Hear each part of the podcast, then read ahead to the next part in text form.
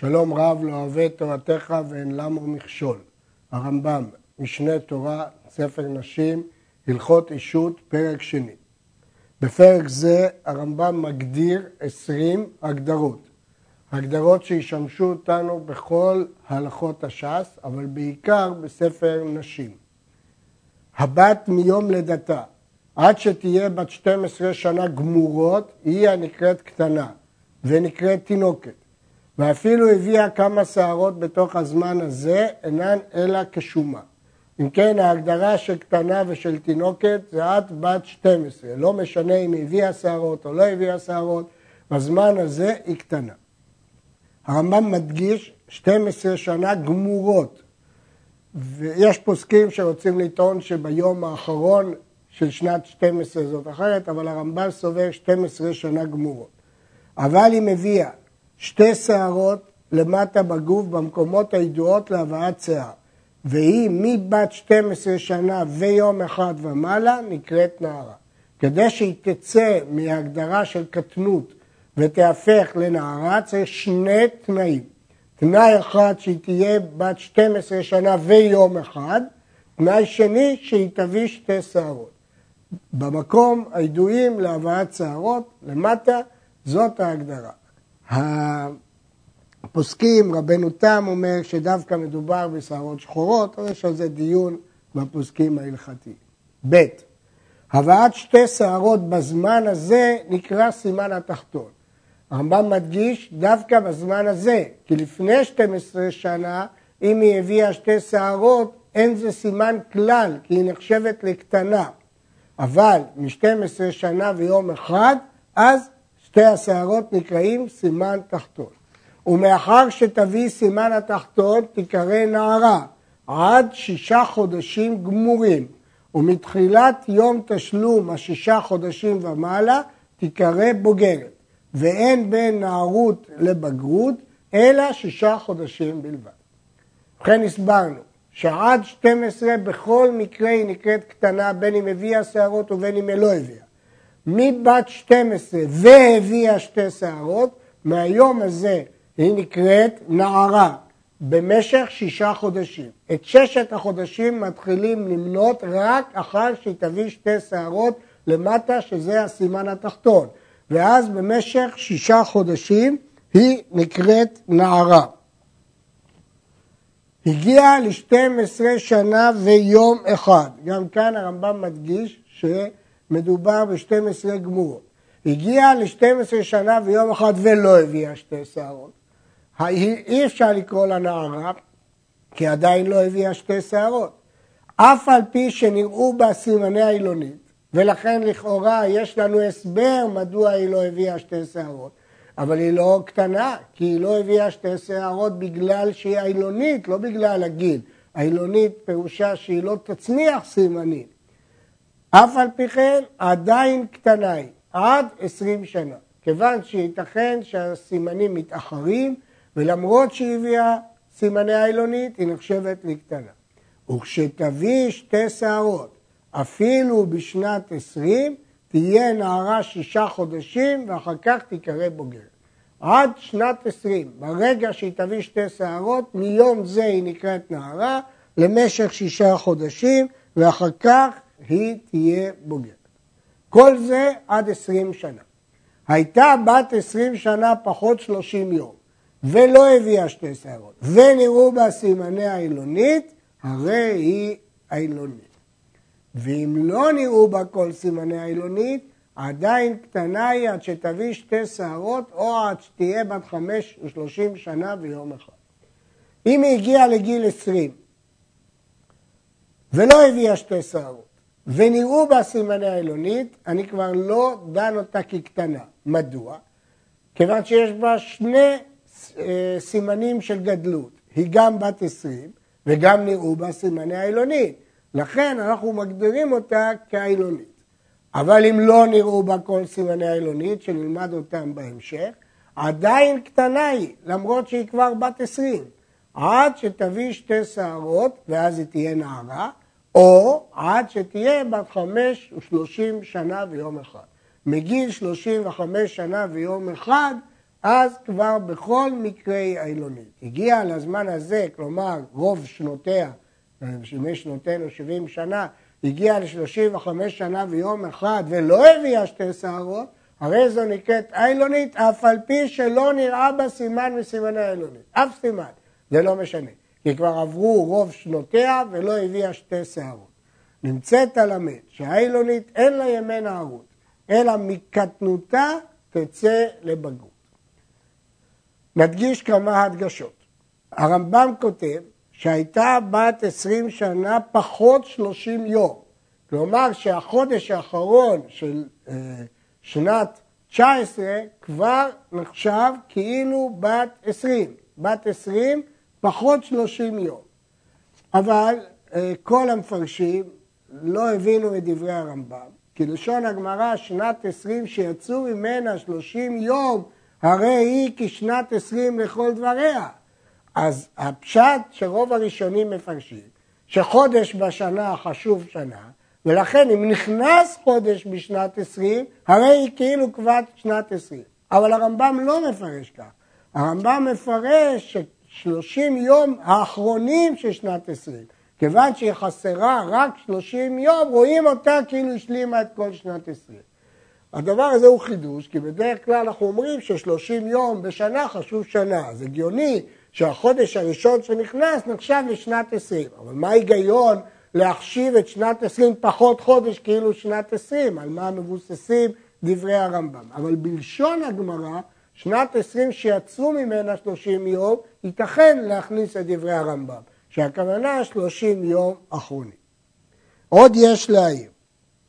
אמרנו שבשלב מסוים אני קובע בוודאות שהיא עילונית. יש לעיין האם נאמר שלמפרע יתברר שהיא עילונית, או רק מכאן ואילך מתברר שהיא עילונית, ולא שהדין הזה חל למפרע. אני רוצה להדגיש שהרמב"ם הדגיש פה שני שלבים. שלב שנראו בה, אם לא נראו בה כל סימני העילונית עדיין קטנה. בהמשך נראה חילוקים בדברים האלה לגבי שרים. ו. הזכרנו את סימני העילונית. מה הם סימני העילונית? ואלו הן סימני העילונית. כל שאין לה דדים ומתקשה בשעת תשמיש ואין לה שיפולי מעיים כנשים וקולה עבה ואינה ניכרת בין איש ואישה והנערה והבוגרת והעילונית, כל אחת משלושתם נקראת גדולה. אם כן, יש לנו סימני העילונית שלא עתידה ללד, העילונית לשון דוכרנית, והרמב"ם מגדיר פה את הסימנים של העילונית כפי שקראנו. ובכן, כשאני שואל מי היא קטנה, קטנה היא עד בת 12, או אם היא לא הביאה שתי שערות, עד שתביא שתי שערות. לעומת זאת, אה, נערה, בוגרת, איילונית, כולם נקראות גדולה. הן כבר לא קטנות, הן כבר גדולות. ז' ויש בבת סימנים מלמעלה, והן הנקראים סימן העליון. עד עכשיו דיברנו על סימן התחתון, ועכשיו נדבר על סימן העליון. ואלו הם ושתחזיר ידיה לאחוריה ויעשה קמט במקום הדד, ומשישחי ראש הדד, ומשייתן אדם ידו על עוקץ הדד והוא שוקע ושואל לחזור, ומשיפצל ראש חותם הדד ויעשה בראשו כדור קטן, ורבותיי פרשו שיפצל החותם עצמו, וכן משיעטו הדדים, שקשקשו הדדים, שתקיף העטרה והוא מקור הבשר התפוח של מעלה מן הערווה לעומת הבטן, שיתמעך בשר זה ולא יהיה קשה, כל אלו הסימנים שמונה. יש שמונה סימנים שנקראים סימן עליון. ברצוני להדגיש, גם בהלכה הקודמת וגם בהלכה הזאת, הרמב"ם מנה סימנים של העילונית וסימנים העליונים של בגרות. בגמרא מובאת מחלוקת תנאים מהו הסימן, והרמב"ם פסק כדברי כולם, הביא, כי הוא ראה שאין ביניהם מחלוקת, ולכן הוא הביא את כל הסימנים שמצויים במחלוקת. גם בהלכה השנייה הרמב"ם מביא את כל הסימנים שמנו למרות שכל אחד מנה סימן אחר. הרמב"ם לא ראה כאילו הם מחלוקת, אלא כאילו כולם, כדברי כולם, להחמיר. הלכה ח' נראה בבת סימן מכל אלו או כולם. מדברים עכשיו על הסימן התחתון, והיא בת 12 שנה או פחות, אין משגיחים בו, והרי היא בקטנותה. נעשית בת 12 שנה ויום אחד, ונראה בה הסימן התחתון, אין משגיחים באחד מכל אלו. ואם לא נראה התחתון, ונראה בה אחד מאלו, הרי היא ספק בנערה לקטנה, ודנים בה להחמיר. ואם נראו כולם, הרי זו גדולה ודאית. שאי אפשר שיבואו כולם, אלא כבר בסימן התחתון בין השאר. נסביר את דברי הרמב"ם. אין מציאות שהבת תפסיק להיות נערה קטנה ותיהפך לנערה לפני 12 שנה ויום אחד. לא משנה אם יהיו סימן העליון, סימן התחתון, פחות מ-12 שנה ויום אחד, לעולם היא קטנה. מ-12 שנה ויום אחד, ונראה סימן התחתון, דהיינו שתי שערות למטה, פשיטה שהיא בוגרת. אם לא נראה בה סימן התחתון, ונראה בה הסימן העליון, תלוי. אם נראה בה אחד מהסימנים הללו, בספק, ודנים להחמיר. ואם נראו כל הסימנים הללו, דהיינו כל הסימנים העליונים, היא גדולה ודאית. מדוע? לא מפני שהסימן העליון קובע, אלא שלא ייתכן שיבואו כל הסימנים הללו בלי שבא סימן התחתון. ולמרות שאנחנו לא רואים אותו, אולי נשרו השערות. ואם כן יוצא כך, כדי שנערה תהיה בוגרת, קודם כל היא צריכה להיות בת 12 שנה ויום אחד, בכל מקרה.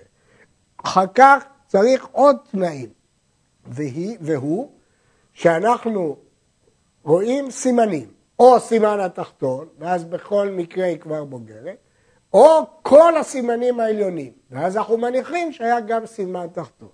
ואם היה רק חלק מהסימנים העליונים, אז זה ספק. יש פוסקים שפוסקים שלמרות שאמרנו שסימנים אה, לא מועילים קודם שתי שערות, אבל מחזיקים אותה גדולה לעניין שלא תמאן, וכקטנה לעניין שלא תחלוץ. יש חולקים על רשימת הסימנים של הרמב"ם, ואומרים שחלק אה, מהם הם סימני בגרות, אבל זה נידון כבר פה בראשונים ובפוסקים. הלכה ט' הבת שילדה אחר 12 שנה, אף על פי שלא הביאה סימן לא עליון ולא תחתון, הרי זו גדולה. בנים הרי הם כסימנים. כלומר, ברגע שהיא ילדה, בנים הרי הם כסימנים, ואיננו זקוקים לשום סימן לא עליון ולא תחתון, היא כבר גדולה. ויש לשאול, ומה הדין אם היא תלד קודם 12 שנה? יש אומרים שדעת הרמב"ם שלא ייתכן כלל שבת תלד קודם 12 שנה בלי שתמות. זה לא ייתכן.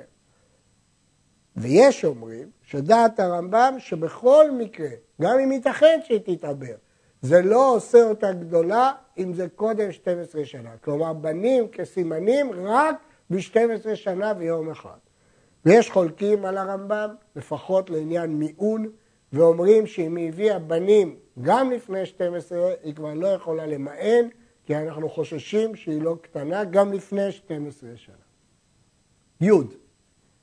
הבן, מי שייוולד עד שיהיה בן 13 שנה נקרא קטן ונקרא תינוק, ואפילו הביא כמה שערות בתוך זמן זה אינו סימן אלא שומה.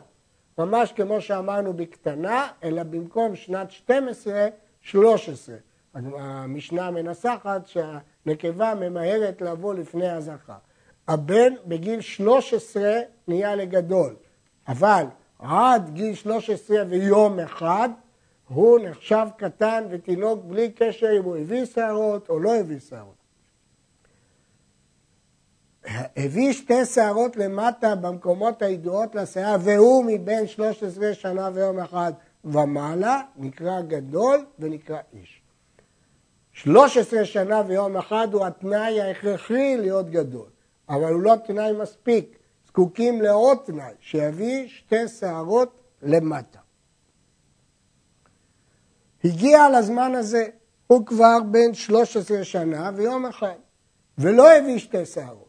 אף על פי שנראו בו סימני סריס, הרי זה קטן, עד שיהיה בן עשרים שנה פחות שלושים יום. גם כאן הרמב"ם מנסח לא שלושים יום בשנה העשרים כמו רוב הראשונים, אלא עשרים שנה פחות שלושים יום. הגיע לזמן הזה ולא הביא שתי שערות למטה ולא הביא שתי שערות בזקן, אם נראה בו אחד מסימני סריס, הרי זה סריס ודינו דין הגדול לכל דבר. אם הוא בן עשרים שנה ולא הביא שערות לא למטה ולא למעלה, וגם נראה בו אחד מסימני סריס, פה הרמב"ם לא דורש את כל סימני סריס, אלא סימן אחד מסימני סריס, קובעים שהוא סריס והוא כגדול לכל דבר. ואם לא נראה בו סימן מסימני שריד, אף סימן, עדיין קטנו, עד שיביא שתי שערות למטה במקום הראוי להם, או עד שיהיה בין חמש או שלושים שנה ויום אחד. אם הוא לא הביא שתי שערות, אבל הוא גם לא הביא אף אחד מסימני סריס. אז כיוון שהוא לא הביא אף אחד מסימני סריס, הוא לא סריס. עד רוב שנותיו דהיינו 35 שנה, ממש כמו שאמרנו בבת. י"ב, הגיע לזמן הזה, כלומר 35 שנה ויום אחד שהוא רוב שנותיו, ולא הביא, הרי זה סריס אף על פי שלא נראה בו אחד מסימני סריס. למרות שלא נראה בו שום סימן סריס, כיוון שהוא הגיע לרוב שנותיו ולא הביא שתי שערות, הוא סריס. הגיע לשנת 20 פחות 30 יום. אנחנו חוזרים אחורה עכשיו, הוא הגיע לשנת 20 פחות 30 יום. ולא הביא שתי שערות למטה, והביא שתי שערות בזקן, אף על פי שנולד לו אחד מסימני סריס, אינו סריס, אלא הרי הוא בקטנותו עד שיוולדו לו כל סימני סריס, או עד שיהיה בן חמש ושלושים שנה ויום אחד. הרמב"ם מחדש פה חידוש גדול. ואומר שבסריס יש דין מיוחד, שאם הוא הביא שתי שערות בזקן, והוא לא הביא שתי שערות למטה, כאן הדין שלו שונה. למרות שנולד לו אחד מסימני סריס, אינו סריס, עד שיוולדו לו כל סימני סריס. אם הוא לא הביא שערות בזקן, אז אפילו נולד בו אחד מסימני סריס הוא סריס, בן עשרים שנה. אבל אם נולדו לו שערות בזקן, כאן כדי לקבוע שהוא סריס צריך את כל סימני סריס. יש מקשים, איך ייתכן שזה כל סימני סריס? הרי יש לו שערות בזקן, אז חסר לו אחד מסימני סריס. ומתרצים שהוא הביא רק שתי שערות, אבל לא נתמלא זקנו. הרעב"ד חולק על הרמב"ם בהלכה הזאת, ואומר שאם הוא לא הביא בזקן, לא צריך סימנים אחרים, כי זה בעצמו אחד מסימני סריס. הרמב"ם אמר שאם לא הביא בזקן, צריך סימן אחד מסימני סריס. ואם הוא הביא בזקן, צריך את כל סימני סריס. אומר הרעב"ד, אם הוא לא הביא בזקן, זה אחד מסימני סריס, למה הוא צריך סימן אחר? ואלו הם סימני סריס. כל שאין לו זקן, מה שהזכרנו קודם, ושערו לקוי, ובשרו מחליק, ואין ממי רגליו מעלים רתיחה, שמטיל מים אינו עושה כיפה, ושכבת זרעו דיעה, ואין ממי רגליו מחמיצים, ורוחץ במות הגשמים ואין בשרו מעלה אבן, וקולו לקוי, ואינו ניכר בין איש לאישה. וסריס זה הוא הנקרא סריס חמה בכל מקום. אבל הבן שחתכו או ניתקו או מיעכו גידיו או ביציו כמו שהגויים עושים, והוא הנקרא סריס אדם. ההבדל בין סריס חמה לסריס אדם, סריס חמה תלוי בלידה, סריס אדם תלוי במעשה ידי אדם. וכשיהיה בן 13 שנה ויום אחד נקרא גדול, שאין זה מביא סימן לעולם. כלומר, כל מה שדנו בסימנים זה בסריס חמה, כי אולי יש לו בגרות מאוחרת, התבגרות מאוחרת.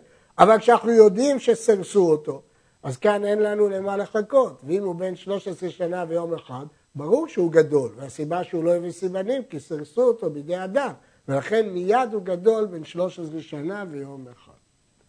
בין 13 שנה ויום אחד, כותב הרמב"ם בהלכת ט"ו, שלא הביא סימן שלמטה, ונראו בו כל הסימנים שלמעלה, הרי זה ספק בין קטן לגדול. ואם לא נבדק מלמטה, כיוון שנראו בו סימני בגרות מלמעלה, הרי זה בחזקת גדול. ובכן, הרמב"ם מחדש פה חידוש גדול שהרבה מהראשונים חלקו עליו.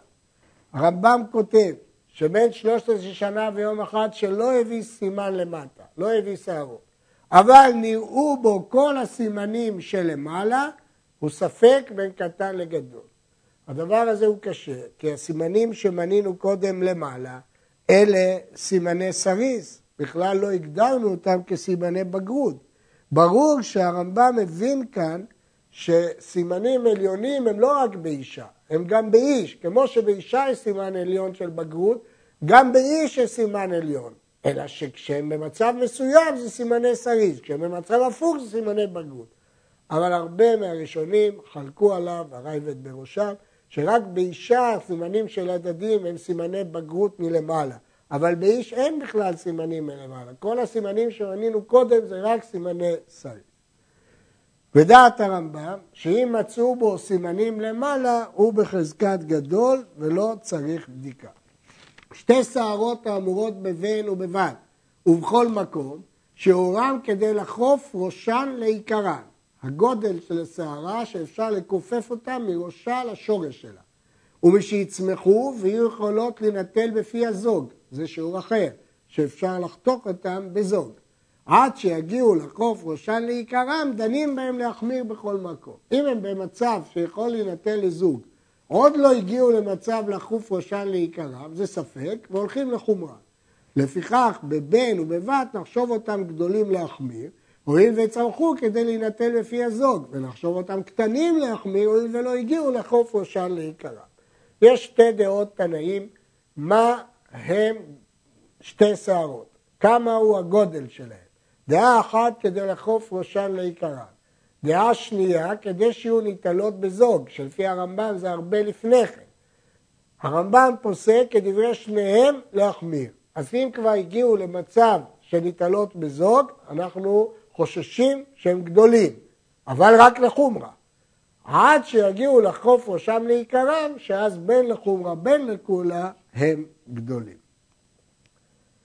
המילה זוג, אה, לפי רש"י, דווקא להינטל בציפורן, לפי הרמב"ם אה, בזוג.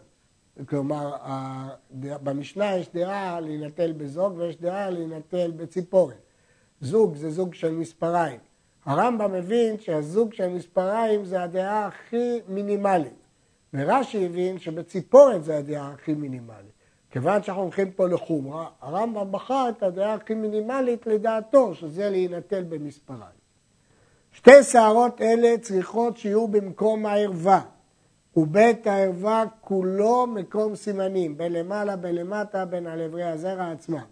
וצריכות להיות במקום אחד, ושיהיה בעיקרן גומות, ואפילו שתיהן גומות בגומה אחת, שתי שערות בגומה אחת, הרי אלו סימן. נמצאו שתי גומות זו בצד זו, ואין בהן שיער, הרי אלו סימן. חזקה אין גומה בלא שיער, ושערות היו בהן ונשו. כן, צריכים להיות שתי שערות במקום הערווה, במקום אחד, שיהיה להם גומות. ואם יש גומות אפילו בלי שערות, אנחנו מחשיבים את זה כסימנים. יש דנים מה פירוש במקום אחד. יש אה, דיונים גדולים בדברי הרמב"ם שדווקא בבית הערווה אה, יש חולקים מלשון הגמרא שאמרו אפילו גבה, אפילו קרסה, אבל הם מבינים, הרמב"ם מבין שגבה וקרסה זה הגדרות בתוך מקום הערווה. אבל יש חולקים וסוברים שלאו דווקא במקום הערווה. אבל לפי הרמב"ם, סימנים זה רק במקום הערווה. הלכה י"ח הבת שהביאה שתי שערות בתוך שנת 12, והבן שהביא בתוך 13, שהם שומה כמו שביארנו, לא מחשיבים אותם לשיער. אף על פי שאותן שערות במקומן עומדות אחר 13 לזכר ואחר 12 לנקבה, אינן סימן, כי כבר הגדרנו אותם כשומה. כיוון שהגדרנו אותם כשומה, אז גם אם יישארו אחרי הזמן, הם שומה, הם לא מהווים סימני בגרות. במה דברים אמורים? שנבדקו תוך הזמן ונודע שהם שומה. אבל הם לא נבדקו, תוך הזמן לא בדקו אותם, אלא אחר זמן, ונמצאו שם שתי שערות, הרי הם בחזקת סימנים, ואין אומרים שמן קודם זמן צמחו כדי שיהיו שומה. אם בדקתי לפני הזמן ומצאתי אותם, קבעתי שהם שומה. ואז גם אם יעברו הזמן, 12 על הבת ו-13 על הבן, עדיין אין שומה. אבל אם לא בדקתי, ובדקתי אחרי 12 ואחרי ומצאתי, אז הייתה סברה הגיונית להגיד, הם היו קודם, הם היו שומה. לא, אני מניח שהם צמחו עכשיו ושהם סימנים.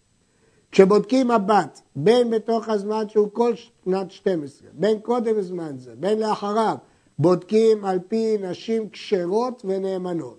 ואפילו אישה אחת בודקת ושומעים ממנה אם הביאה או לא הביאה. לשון הגמרא, כל הנבדקות נבדקות על פי נשים. כן היה רבי אליעזר מוסר לאשתו, ורבי ישמעאל מוסר לאמו. וכך נפסקה ההלכה, כמו שכתוב בסיפורים האלה, שזה רק אחת, ויש נאמנות לנשים בדבר הזה. כמובן, הנאמנות של הנשים, יש אומרים שזה רק עם החזקה, שזה אחרי הזמן. ברמב"ם לא משמע כך, ברמב"ם משמע שהנאמנות של הנשים היא בכל מקרה. כל השנים האמורות בבן ובבת ובערכים ובכל מקום אינם לא שני הלבנה ולא שני החמה, אלא שנים של סדר העיבור, שהן פשוטות ומוברות כפי שבדין קובעים אותן, כמו שבאנו בהלכות קידוש החודש, ובאותם שנים מונים לכל דברי הדת. אומר הרמב"ם, כשכתוב בהלכה שנה, או שנתיים, או שלוש, או שתים עשרה, או שלוש עשרה, אם השנה מעוברת, אז היא מעוברת, ואם היא פשוטה, היא פשוטה, כפי שבדין קובע. כמובן שיש פה קושי.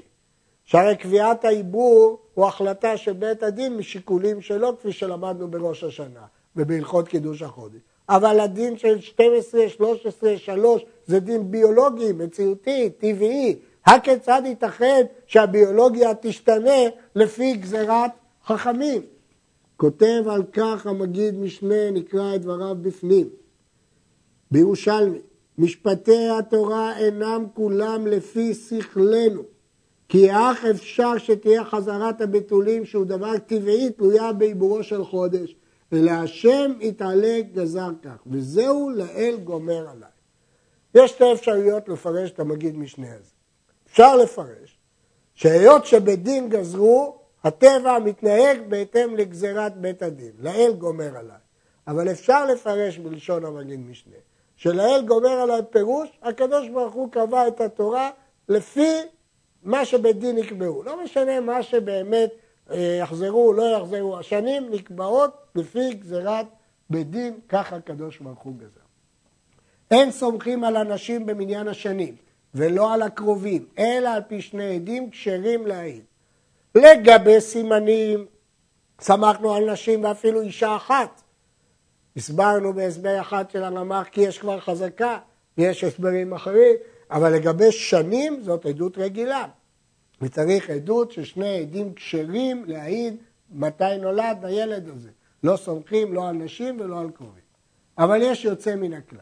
האב שאמר בני זה בן תשע שנים ויום אחד, ביתי זו בת שלוש שנים ויום אחד, נאמן לקורבן, אבל לא למכות ולא לעונשים.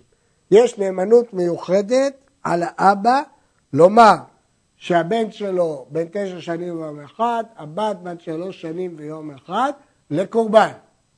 אבל לא לענייני מכות ולא לענייני עונשים. יש דיון מה הסיבה לכך.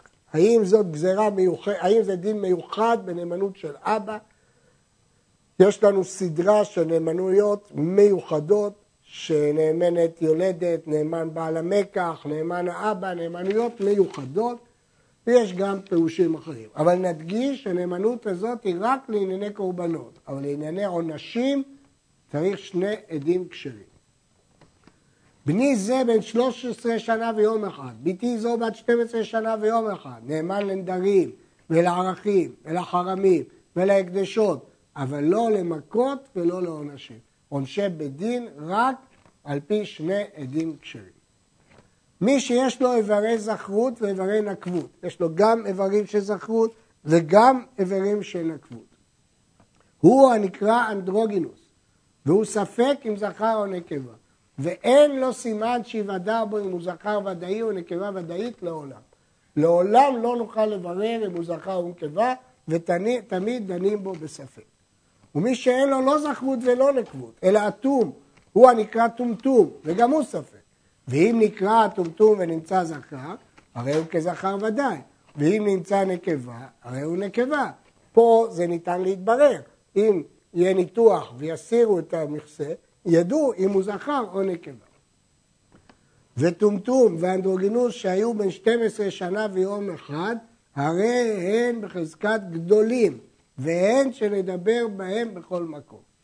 ברגע שטומטום ואנדרוגינוס הם בין 12 שנה ויום אחד, הם בחזקת גדולים. הרמב"ם לא הזכיר סימנים בכלל, סימני גדלות בטומטום ואנדרוגינוס. שואל הרעב"ד למה? למה לא נבדוק בסימנים? טומטום ואנדרוגינוס, כל הבעיה אם הם זכר או נקבה, אבל ההתבגרות שלהם היא כמו כל אחד. ולמה לא לדרוס סימנים לחומרה, שזכר או שנקבה? יש שפרשו שגם הרמב"ם יסכים לזה, רק הוא לא עוסק כאן בשאלה של סימנים. וייתכן לומר שמשום מה הרמב"ם מבין שטומטום ואנדרוגינוס, גם הבגרות שלהם לא תלויה בסימנים. חרש וחרשת האמורים בכל מקום הם האילמים שאין שומעים ואין מדברים. אבל מי שמדבר ואינו שומע, או שומע ואינו מדבר, הרי הוא ככל אדם. ואיש ואישה שהם שלמים בדעתם ואינם לא חרשים ולא שותים, נקראים פיקח ופיקח. חרש שנידון כשוטה הוא שלא שומע ולא מדבר, שאז קשיי התקשורת שלו יוצרים בו סימני ששטות. יש דיונים גדולים באחרונים לגבי ימינו, שלמדו דרכים כיצד ללמד את החרשים אילמים הללו להתקשר, האם דינם משתנה או לא, הדיונים האלה מרובים בספרי השו"ת ובאחרונים. נמצאו כל השמות, שמות כלומר הגדרות, שביארנו עניינם בשני פרקים אלו עשרים שמות. הרמב"ם מסכם שהגדרנו עשרים הגדרות, ואלו הם קידושים, ערווה, שנייה, איסורי לווין, איסורי עשה, קטנה, נערה, בוגרת, עילונית, גדולה, סימן תחתון, סימן עליון, קטן, סריס חמה, סריס אדם, גדול, אנדרוגינוס, טומטום, חרשים, פיקחים. בשני הפרקים האלה הגדרנו עשרים הגדרות. שים כל השמות האלו לעומתך תמיד, ואל ילוזו מעיניך כל ענייניהם, כדי שלא נהיה צריכים לבאר עניין כל שמן בכל מקום שנזכיר אותו. דע את ההגדרות האלה, אומר הרמב"ם, ואז תוכל להשתמש בהם בהמשך לימוד של כל ההלכות. עד כאן פרק שני.